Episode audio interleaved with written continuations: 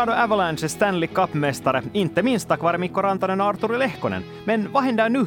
Är det här startskottet för en ny dynasti? I veckans avsnitt av Ylesportens NHL-podd synar vi Mästarna i sömmarna. Med det har du Anders Nordensvan och Mattias Simonsen. Det som åtminstone händer antingen i Colorado eller någon annanstans är att kung Arturi av den runda trissan kommer att få löneförhöjning.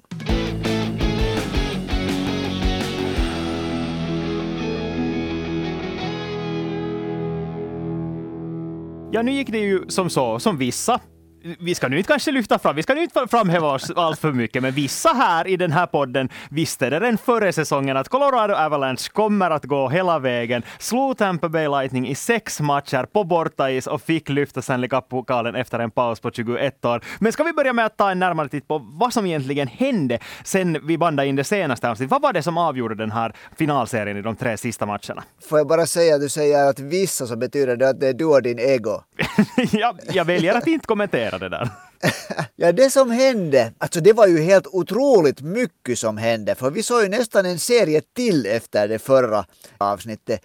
Egentligen såg vi tre helt otroligt bra ishockeymatcher, åtminstone spänning. När det gäller spänningsmoment så var det ju fjärde, femte och sjätte finalen. Det var liksom final ishockey som bäst.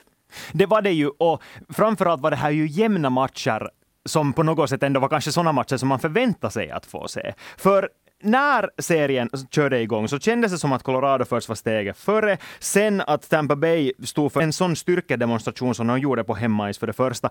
Och sen att det kom den här andra matchen som Colorado lyckades vända. Och på något sätt är det ju ändå den som la grunden för segern. Att de gick upp i 3-1-ledning. För som det har konstaterats på så många olika håll, så många gånger än, så det har hänt bara en gång i NHLs historia att ett lag skulle ha vänt ett 1-3 underläge i matcher i en, i en Stanley Cup-finalserie. Det är så otroligt osannolikt att det händer. Så det kändes ju ju nog redan som att den där match fyra var den som avgjorde i praktiken. Fast jag måste ju medge att jag har varit med för länge för att det där, se till exempel ishockeymatcher som jag har hoppats att ska sluta på ett sätt vända till ett, till ett annat resultat. Att när Tampa reducerar till, till 3-2 så jag tänkte att aha, jag trodde att Andrei Vasilevski i praktiken skulle avgöra den här finalserien, att Colorado liksom inte skulle lyckas komma tillbaka. Men jag borde ha vetat bättre. För Colorado var ju det bästa laget att göra comeback. Vi har tyckt att Tampa Bay gör comebackar i det där inom matcher också.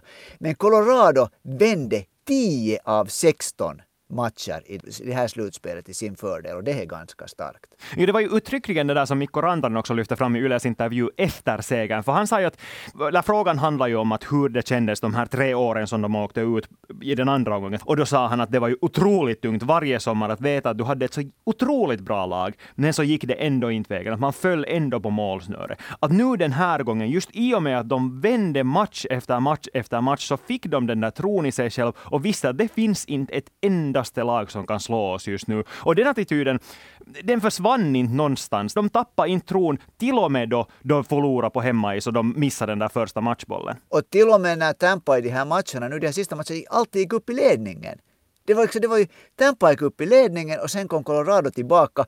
Alltså jag åtminstone blev lite förblindad av det här att när Colorado hade det här grymt starka liksom, offensiva spelet så blev, liksom på något sätt missade jag, eller åtminstone blev det lite liksom, i skugga att egentligen var Colorado det laget av alla som var bäst att, liksom, att bara aldrig ge upp. Och när du sa det där att, att man visste att man är det bästa laget, så det var ju också fantastiskt. För nu var det två lag emot varandra som båda inom laget. Jag tror att alla var fullständigt övertygade om att vi är det bästa laget här och därför var också Tampa så totalt knäckt efter den här förlusten. Jag vet inte när man ska ha sett ett förlorande lag som är så här totalt knäckt som Tampa. Jag kommer ihåg jag kommer ihåg Nathan McKinnons ansikte när de åkte ut i den andra omgången förra Jo, men i finalen. I finalen menar jag. Jo, jo, men alltså ändå för att det här är igen en parallell till det vad jag ville ta upp till nästa. Det är det vad Arturi Lehkonen sa efter segern i Yles intervju. Han lyfte fram att ledarna i omklädningsrummet var av en sån otrolig, ska vi säga den målmedvetenheten som fanns i det där omklädningsrummet var något alldeles otroligt. Och det att han valde att lyfta fram det betyder ju väl snarast det att han inte har fått uppleva något sånt någon gång tidigare, vilket kan säga ganska mycket om stämningen i Montreal eller klimatet i omklädningsrummet där. Men också det att hur exceptionell nivå det ändå är när de där stjärnorna tar över i Colorado Avalanche omklädningsrum. Och då är det framförallt Nathan McKinnon som man talar om, för det är ju ingen hemlighet att han är den där som eh, kan vara ganska kritisk till sina lagkamrater när de inte spelar på den nivå som han tycker att de borde göra. Just att det finns olika typer av ledare, för jag kan tänka mig att en sån här ledare, om det skulle finnas många ledare av den typen av som Nathan McKinnon, som jag har för mig att kan, kan vara emellan lite destruktiv för lagkänslan i och med att han är så, han kräver hemskt mycket av sig själv och han kräver hemskt mycket av alla andra. Så tror jag att Gabriel Landeskog, fast när man lyssnar på honom så tror man att han är amerikan och inte svensk, men det där, han är svensk och han kan tala svenska. Och jag tror att Gabriel Landeskog har i sig den här liksom svenska grundstyrkan veckan att hej, att, att nu tar vi det lugnt, nu samlar vi oss, nu gör vi det här. Jag tror att det här är en hemskt, hemskt bra kombination, Nathan McKinnon och Gabriel Landeskog. Nej, det stämmer. Och så tycker jag att det är lite gulligt att, att Cale McCarr också efter den här finalen sa att, att han har nog minsann fått äta bakelser utan att få skälla av Nathan McKinnon. För det är ju någonting som det har ryktats om, att McKinnon till och med ska ha rutit till när han har sett att folk äter ohälsosamt. Ja, det gör ju förresten Sidney Crosby också. Det är det inte så att Nathan McKinnon och Sidney Crosby är hemma från samma, från samma stad? Mm, Nova Scotia. Ja.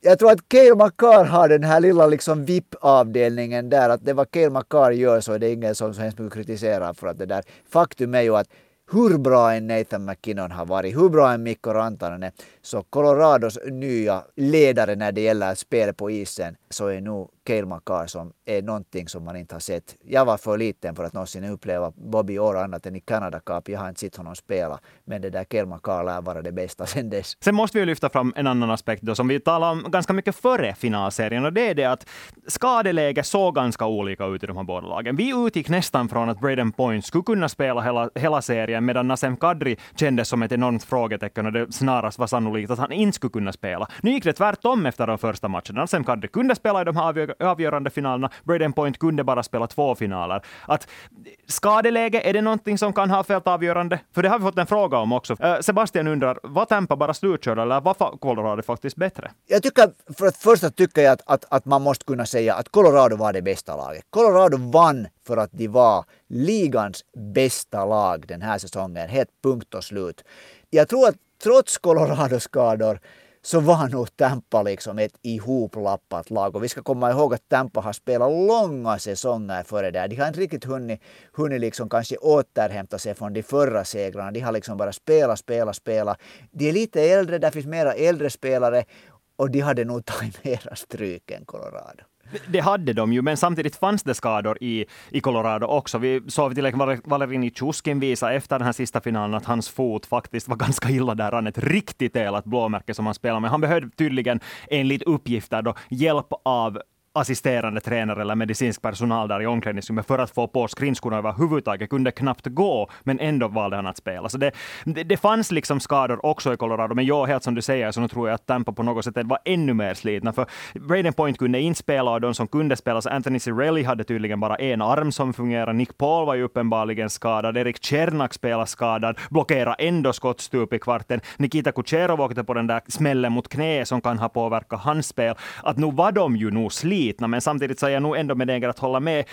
Dels ju för att Colorado visar att de var bäst, men också för att det är sånt här som händer. Det höll till. De spelar över 100 matcher sammanlagt under en säsong och då kommer det att gå så att lag blir slitna. Oavsett handlar det om att stiga fram när du får chansen. Om du är en spelare som i vanliga fall är i en mindre roll så måste du bara stiga fram och ta vara på chansen när du får den. Och det fanns inte riktigt någon i Tampa Bay som gjorde det, för det var ju första kedjan som levererade allt för deras skull. Och då ska vi komma ihåg att nu är den där första kedjan, de hade inte den där andra riktigt eh, toppkedjan förr.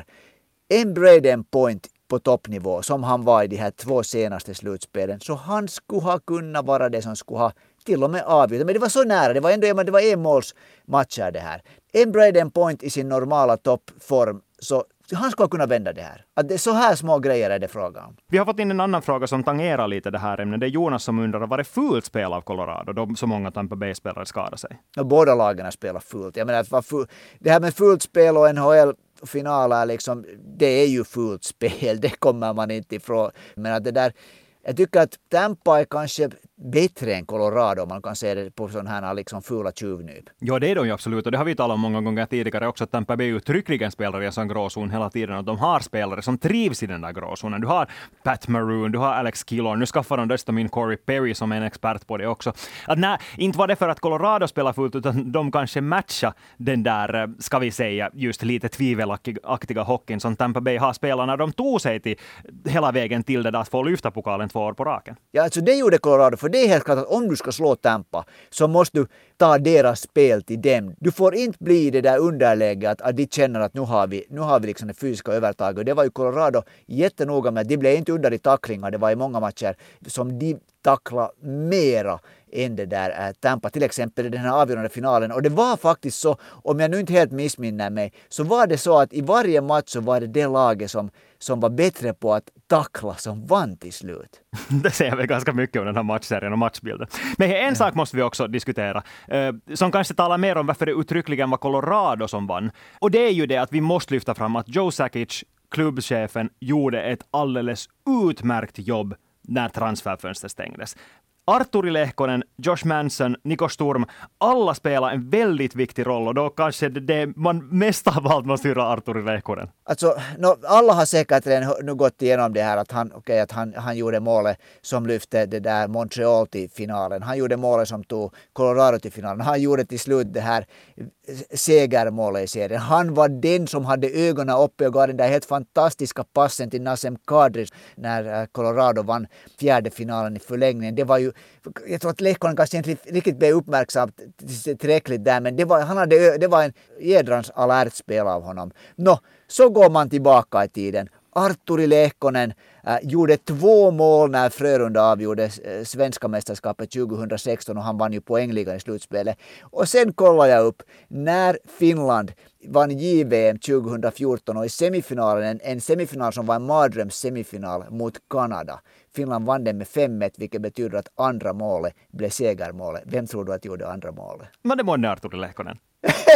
alltså, det är nog, jag måste säga att det där, jag blir nästan lite rörd när jag tittar på hans statistik i stora matcher. Nej, det har ju varit mycket snack om nu den här senaste tiden om hur hans pappa Ismo Lehkonen har uppfostrat honom som barn. Att, att det var så obarmhärtig attityd redan bara när de spelar sinsemellan mot varandra på gården. Att han inte lät honom vinna alls tills han faktiskt var tillräckligt bra för att göra det. Och att många kan tycka att det här är kanske lite väl hårt med tanke på att det ändå, han är inte en tränare, han är hans pappa. Men om inte annat så kan man väl säga att på facit på han så lyckades man åtminstone i det här fallet avla fram en diamant. Och sen tycker jag man ska vara noga, för nu är det säkert kanske någon som tänker att okej, okay, dra para, paralleller till, till vet du, Andrea Agassis pappa eller, eller systrarna uh, Williams pappa. Men man ser det liksom direkt med ett, äh, med, med liksom ett ögonkast att det finns en oerhörd värme mellan pappa Ismo Lehkonen och Arturi Lehkonen. Den där värmen finns där. Mm, och det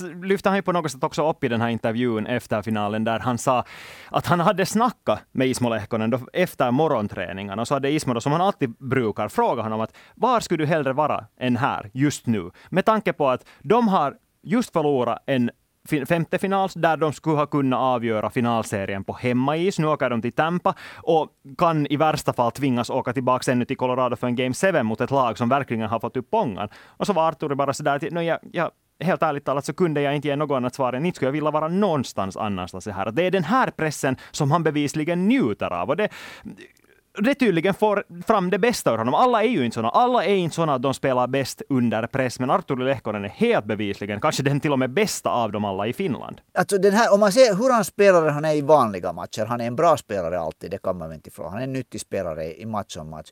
Men den här, hans liksom, hur han stiger fram när det gäller, så det är nog, det är inte vanligt, det är liksom exceptionellt. Och från det så, så det där, det är ju många som har sett att i sista slutet gäller det att vinna Stanley Cup. Spelare som kan vinna Stanley Cup är det där är grymt värdefulla. Och det där Arturi Lehkonen blir nu en, en det där, äh, begränsad fri agent efter den här säsongen. Han har en årslön för tillfället på 2,3 miljoner. Han kommer att få en ganska ordentlig löneförhöjning, vad det sen än blir.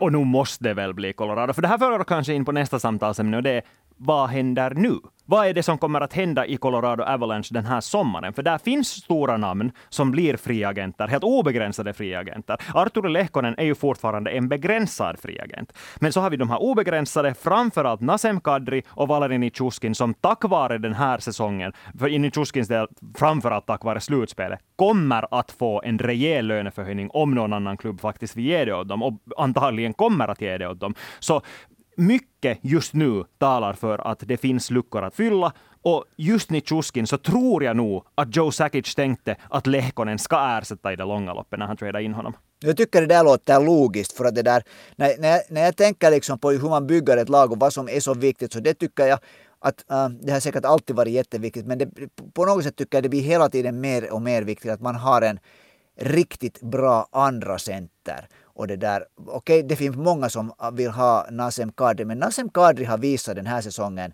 eh, i grundserien, han gjorde en helt fantastisk grundserie. Han har visat att det där, han är en elitcenter i NHL och när man har en sån i ett lag och då har man en, om man tänker, då har man Nathan McKinnon och Nasem Kadri som liksom den här centeraxeln, två toppcentrarna. Så det där, nu skulle jag placera honom ordentligt före ändå Nichushkin. Speciellt då som man har den här chansen att, att, det där, att, att ta in äh, förhoppningsvis Arturi Lehkonen. Ja, men jag tror inte heller att de kommer att ha råd att ta in Kadri. För i NHL så finns det alltid en klubbchef som är villig att betala ett löjligt överpris för en spelare som är het just nu. Och trots att Kadri redan är ganska gammal, trots att det här var en väldigt exceptionell säsong i och med att han aldrig har kommit upp i sådana här poängmängder tidigare, och då ska vi också minnas att han spelar i ett väldigt, väldigt talangfullt lag, så finns det alltid någon som tänker att hej, han kan vara en första center just nu och då är jag villig att betala honom som en första center. Det har Colorado inte råd med, så jag bara tror bara att han inte kommer att vara i Colorado nästa säsong. Och så går det, kommer det tillbaka liksom till hur Cardi själv tänker. Och det, jag, jag vet inte, jag, jag känner inte till honom egentligen som människa, hur han är och, och det där annat än vad man ser, ser på isen. Men nu har han spelat i NHLs bästa organisation. Det är många som skulle vilja att han eh, som ser honom flytta till Philadelphia på många sätt kanske NHLs sämsta organisation de senaste åren. Vad en spelare sen en miljonär. Vad värderar han högre? Att spela i ett topplag där han, det här kan bli en ny dynasti eller att få lite mera i ett sämre lag. Det, där, det här kommer nu tycker jag har att göra med hur, hans värderingar och, och jag, jag, kan inte bedöma den faktiskt ännu i det här skedet. Nej, alltså det är ju helt omöjligt att säga. Men det återstår att se. Vi får svar inom några veckor, för det är ju inte värst länge tills den här fria agentmarknaden öppnar upp. Men hej, när vi talar om det här, att vem som ska förlängas och vem som ska spela kvar nästa säsong och så vidare, så måste vi också tala om det att Joe Sakic har på många sätt av orsak hyllats för det att han har byggt det här laget. Men jag tycker ändå att det är ganska intressant, för om vi tittar på hur Colorado Avalanche såg ut när han kom dit, så hade de redan pjäser som många tyckte att redan då skulle räcka till för att gå väldigt långt i ett slutspel. Vi snackar om att de hade centrar som Matt Duchene, Ryan O'Reilly, Gabriel Landeskog fanns där sen också. Sen när Nathan McKinnon kom, så på något sätt för mig kändes det som att Colorado i det skedet blev ett sånt lag som kommer att ta det där nästa steget alldeles snart. Men istället så valde Sakic då att träda bort både Duchene och Ryan O'Reilly. Och här skulle jag nu vilja diskutera det här ur det perspektivet att sköt han egentligen upp den här framgångsfesten genom att göra sig av med två väldigt bra centrar? Jag tycker det där är en bra fråga och det där och om vi börjar med att äh, Joe Sakic tog över som GM 2014-2015. Så 2015 var han, liksom, hade han sitt första år som GM bakom sig. Och det var då som han tradade bort Ryan O'Reilly. Och det är nog, där liksom håller jag med den där tanken om att han har skjutit upp det. För Ryan O'Reilly är i mina ögon åtminstone en center som man bara inte vill träda bort. Han var ännu såklart inte då på topp, men han var nog, han var nog verkligt bra på den tiden. Och då fick man liksom av de spelarna som kom in då istället när O'Reilly och Jamie McGinn åkte till Buffalo så var det Mihal Grigorenko, Nikita Sadorov, JT Comfer och sen då ett andra val 2015 som blev Jeremy Roy. Eller, eller månne Roy man ska säga det där. Så Ryan O'Reilly, det tycker jag att var en miss. Det tycker jag absolut var en miss och det är kanske det som är det här stora. För Matt Duchene passar ju helt klart inte in i Colorado då längre efter att Nathan McKinnon hade kommit. Och, och det var ju det som Sakic ärvde. Han, han hade ett lag där det både fanns en Duchene och det fanns en McKinnon. Och McKinnon var en spelare som man hade förhoppningar på att hej, honom ska vi ha som första center. Det är den här killen som vi vill bygga det här laget kring. Och det var ju det valet som han gjorde. Och då kanske det helt enkelt var så att man måste göra av sig med Matt Duchene. Och helt med facit på hand så kan vi ju säga att Duchene inte har haft den här världens bästa karriär efter det. Men framförallt den här O'Reilly-traden är den som jag tror att har orsakat att Colorado sackade efter ganska rejält. För om vi tittar på säsongen 2016-2017 när det redan fanns spelare i truppen som Gabriel Landeskog var där, Nathan McKinnon var där, Mikko Rantanen fanns där. Den stommen existerar redan då. Ändå gjorde Colorado en historiskt dålig säsong då och fick, ja, tack vare det, välja Cale McCarr i draften, men ändå så tror jag inte att det ska vara liksom det känns jättedumt att säga så här om en Conn Smythe-spelare, om ligans bästa försvarare, men jag tror ändå att om man skulle ha haft en centerduo i McKinnon och O'Reilly så tror jag att man ändå skulle ha nått framgång. Jo, alltså jag tror att Sakic, om man idag skulle bli frågad så skulle han också säga att det var en felbedömning att göra sig av med Ryan O'Reilly för att han är No, han är så pass bra att om Kanada nu skulle ställa upp med sitt bästa möjliga det där lag i en turnering så tror jag att Ryan O'Reilly skulle vara den där fjärde, center, eh, fjärde kedjans center. En defensiv center som gör över en poäng per match i de vanliga säsongerna och som blev, jo, han blev alltid Conn Smythe när, när St. Louis vann mästerskapet. Och när vi en gång talar om Cale McCarr så är det här ju också en lite rolig detalj, för Colorado var ju sämst i ligan 2016-2017 de förlorade draftlotteriet. De fick inte en av de här tre första valen. Niko Hischier, Nolan Patrick och Miro Heiskanen. Där var topp tre. Nu är frågan det, skulle de ha valt Miro Heiskanen om de skulle ha haft ett val i de tre första? det är väl så att du, har, du, du vet att de skulle ha gjort det? Nej, no, no, inte vet jag. Jag bara hittade en sajt, så jag vet inte hur liksom pålitlig den här Den heter milehighsticking.com, som hävdar så här att alla visste att Sakic nu egentligen ville ha Heiskanen, men fick nöja sig med Makar. Nej, men att inför den här draften så visste man ju att Heiskanen och Makar är de två bästa backarna som finns tillgängliga. Man visste också att Colorado i allra högsta sannolikhet vill plocka en back. Det var det man visste före den där draften, men då visste man ju förstås också att de kommer att välja som fyra. Och det är ju omöjligt att säga, för jag hittar inte några andra källor som skulle, som skulle påstå att Sakic faktiskt uttryckligen skulle ha sagt att han ville ta Heiskanen. Men nu är det ju en lite rolig tanke, att det inte det är nog antagligen väldigt små marginaler som avgör att det är Cale Makar och inte Miro Heiskanen som spelar i Colorado just nu. Och sen är nästa fråga, skulle Miro Heiskanen ha utvecklats till en lika bra spelare som Cale Makar nu om han ska ha fått spela i Avalanche hela tiden? Ska vi säga, åtminstone så tror jag att, att det där Miro Heiskanen, om han skulle ha blivit vald, så skulle det kunna vara Miro Heiskanen som, som, man skulle, som skulle vara Colorados, eller med, med, stor sannolikhet vara Colorados bästa back, en världsstjärna som alla skulle snacka om det där och, och skulle till och med ha kunnat vinna Conn Smythe.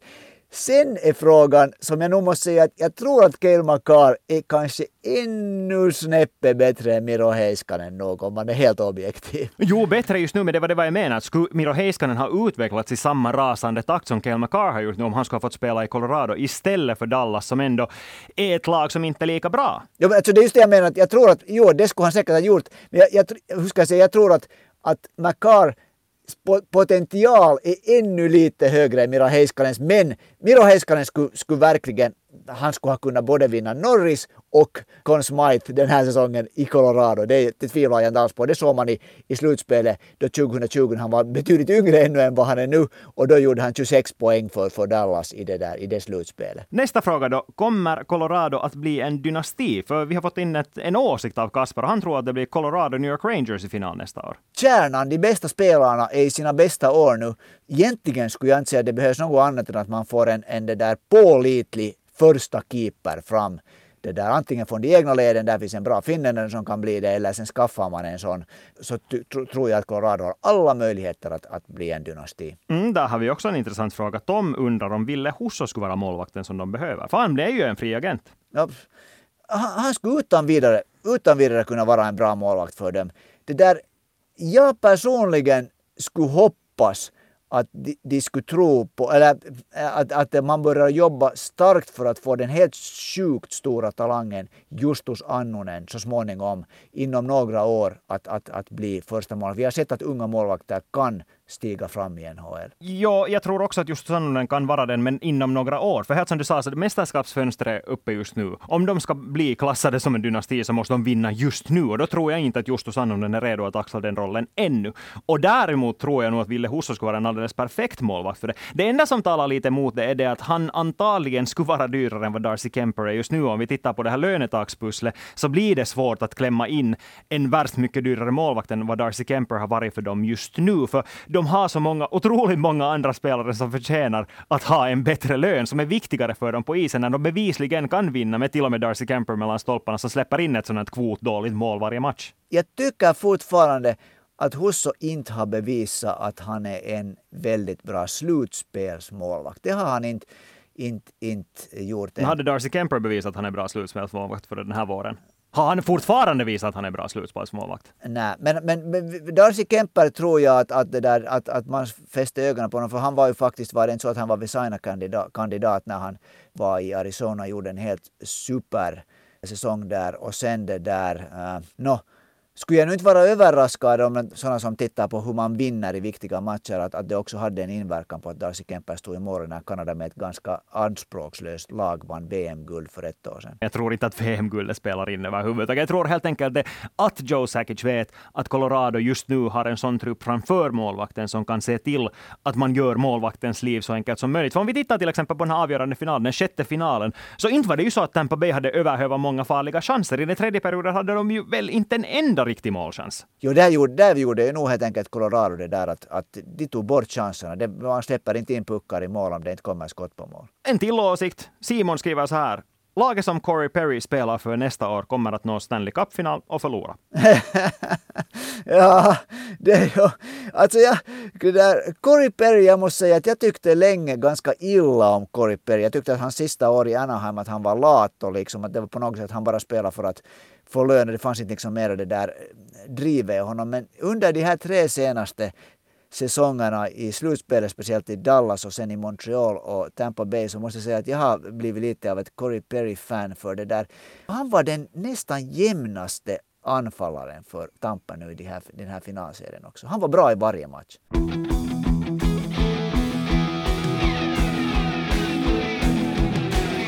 Och till sist ska vi väl ändå passa på att notera också, i och med att det här är nu ganska dagsfärska nyheter för oss.